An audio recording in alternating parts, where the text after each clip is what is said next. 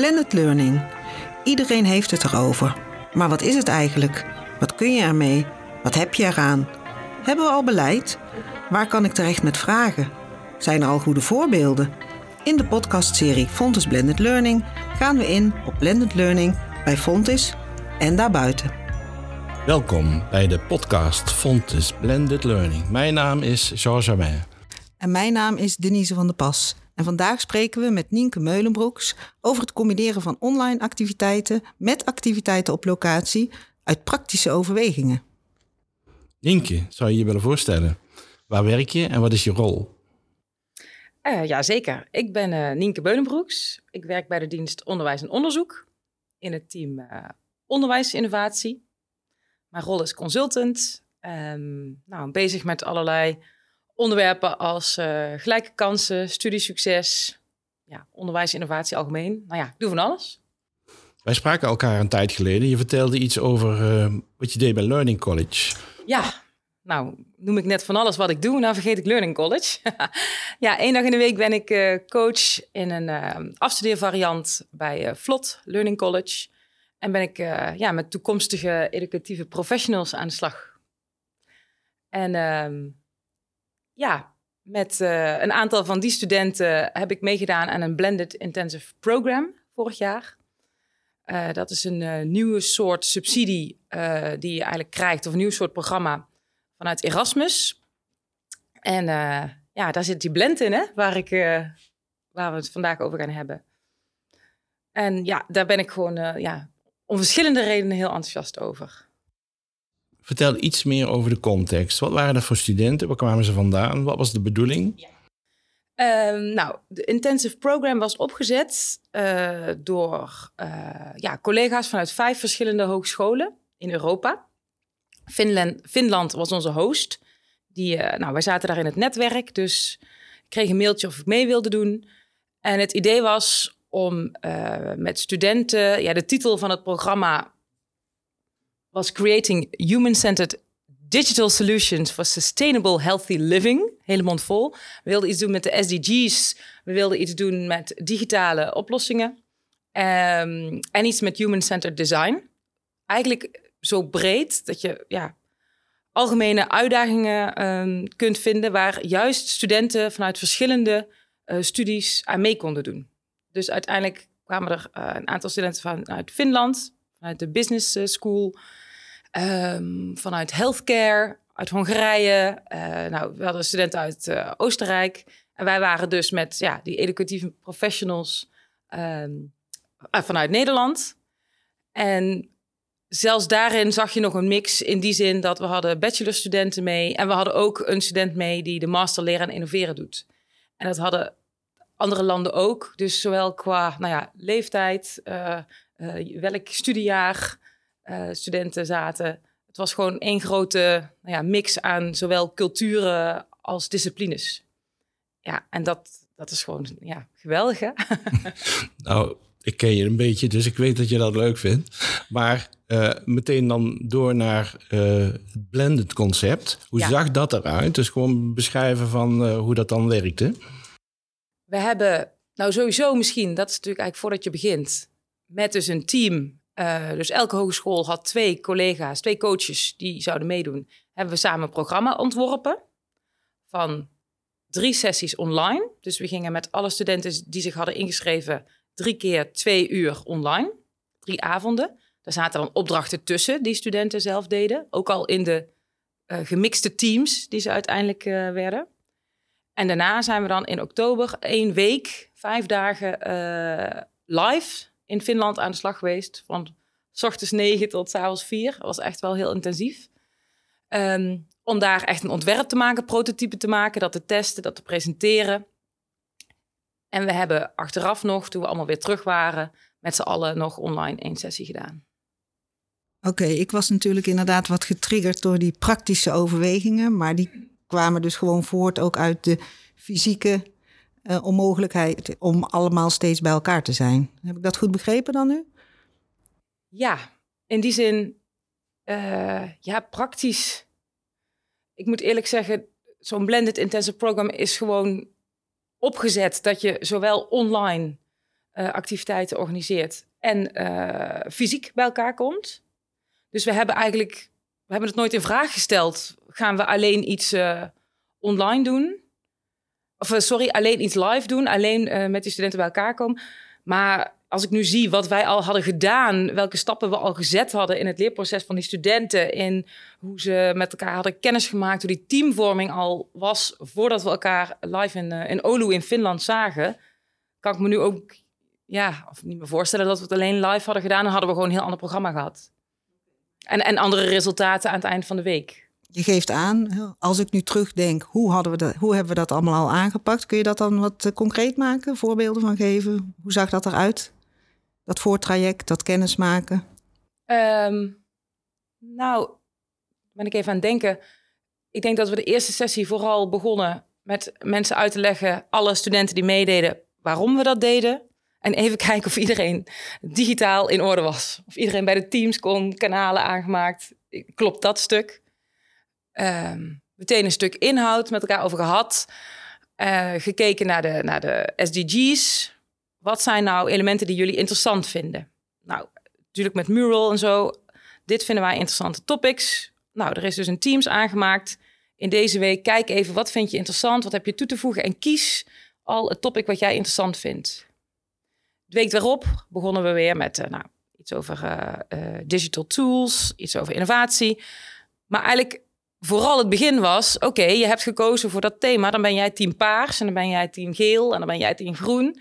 Dus eerst even een opdracht, ga nu naar, naar jouw eigen kanaal. En dan hadden we dan een verdiepende vraag om daar kennis te maken met jouw team. En meteen ook een opdracht, een vraag. Nou, jullie komen dadelijk terug en dan willen we graag dit van team paars horen en dit van team geel horen.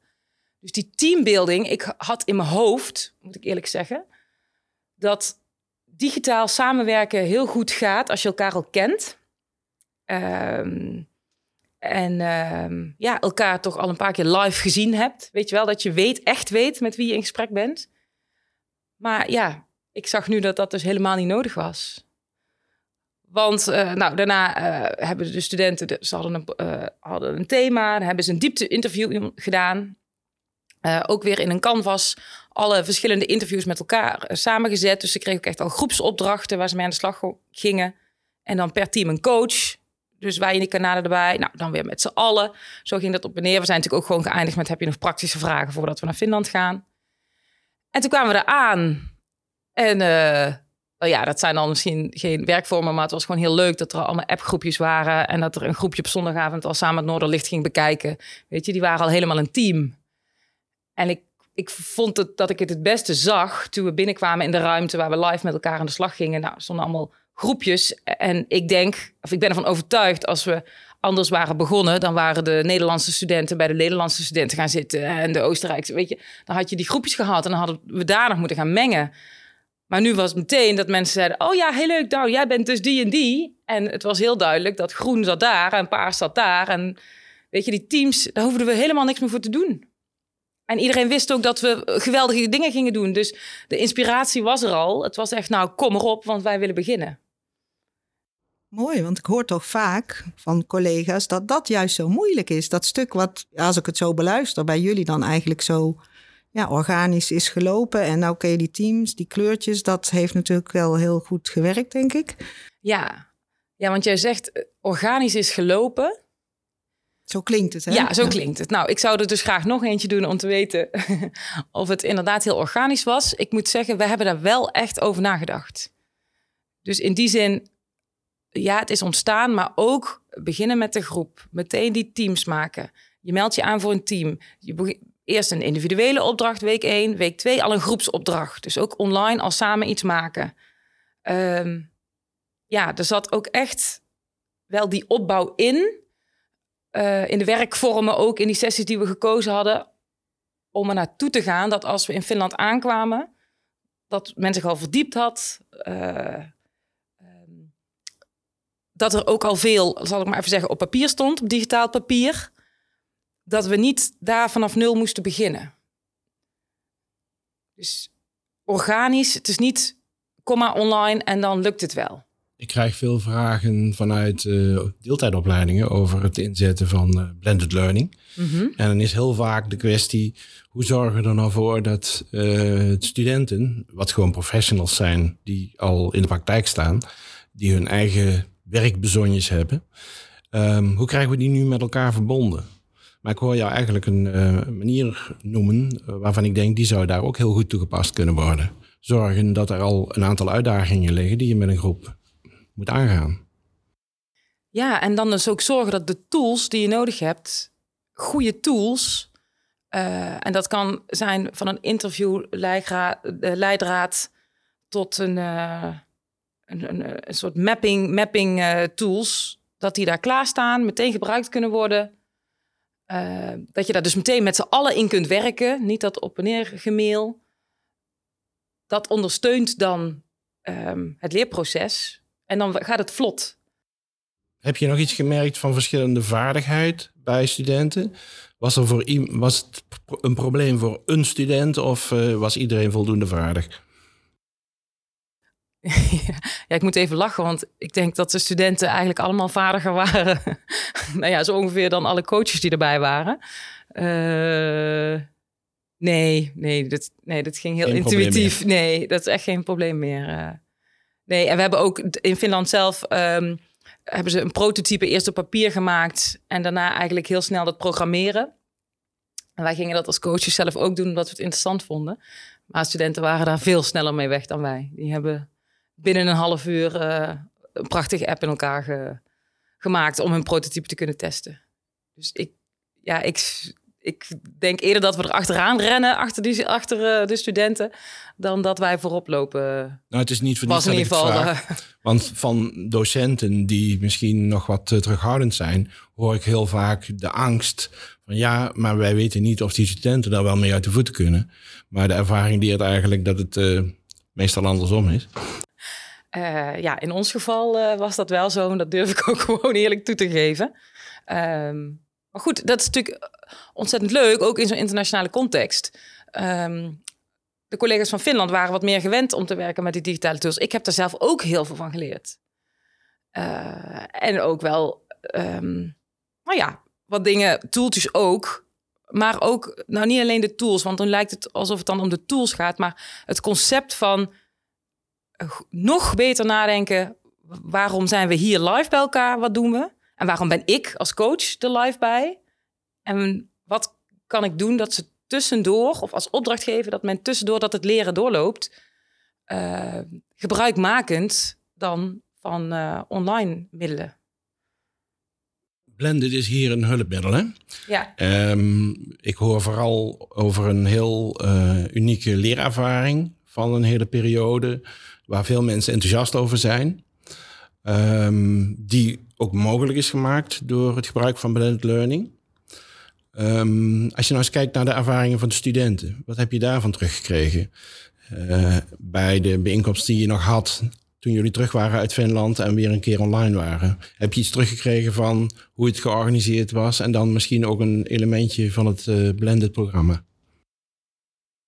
Ja, nou de evaluatie en hoe het georganiseerd was en per dag. Kijk, studenten hadden hun eigen leerdoelen uh, en aan het eind van de dag werd natuurlijk geëvalueerd en helemaal aan het eind van de week daar in Finland werd heel erg geëvalueerd.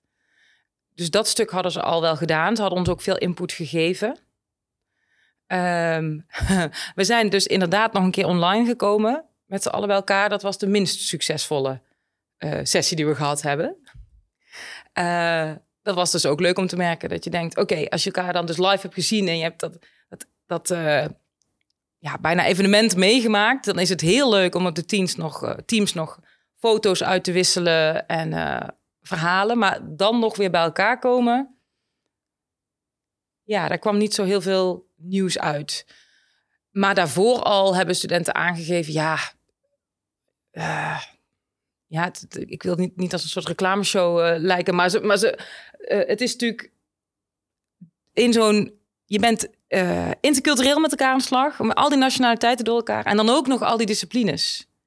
En in elk, elke tool die uiteindelijk gemaakt was, kon je precies zien: ah, oké, de educatieve professionals die hebben dit dan toegevoegd.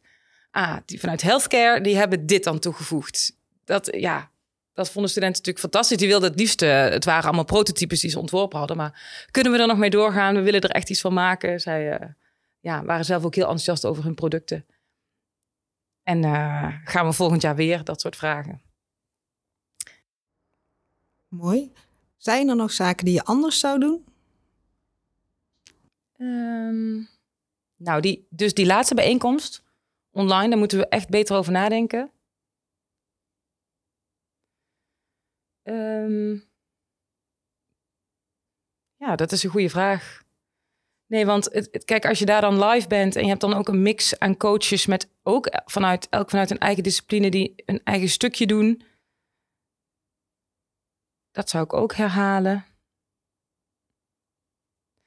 Nee. Het hoeft niet, hè? Ja, nee, nee, nee. Qua, qua werkvormen niet. Nou, een volgende keer um, gaan we het weer ontwikkelen en hebben we besloten uh, om met een aantal partners te doen en er dan uh, eentje open te laten. Dus, dus niet een vijfde hogeschool, maar een oproep te doen aan wie willen meedoen. En dat vind ik, want dat vond ik een van de redenen waarom ik er enthousiast van was, over was. Uh, nou ja, voor de blend, dat wilde ik graag proberen. Maar omdat ik er zo. Um, omdat ik het zo fijn vond, studenten kunnen natuurlijk drie maanden op Erasmus, maar niet alle studenten kunnen drie maanden weg. We hebben studenten die met baantjes, mantelzorger, nou noem het maar op.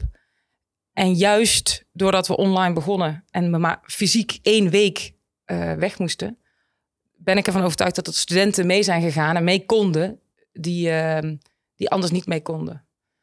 En dat was ik, ja, dat vond ik misschien nog wel de grootste winst. Oké, nou helder. Mooi verhaal. Uh, ik heb het gevoel dat je nog heel lang door kunt vertellen, maar ik ben bang dat we toch af moeten ronden. Maar dan toch als slotvraag, wat zou je de luisteraars nog mee willen geven? Een ja, conclusie, een advies? Uh... Ga het doen. Maak er gebruik van. Uh, met verschillende opleidingen. Ben host of ga ergens heen. Nou ja, volgens mij heb ik genoeg redenen aangehaald om, om vooral mee te gaan doen voor, voor studenten en voor, voor alle studenten. Dankjewel, Dienke Meulenbroeks. Wil jij als luisteraar op de hoogte blijven van de ontwikkelingen, good practices van blended learning bij Fontes en bij andere onderwijsinstellingen? Abonneer je dan op deze podcastserie.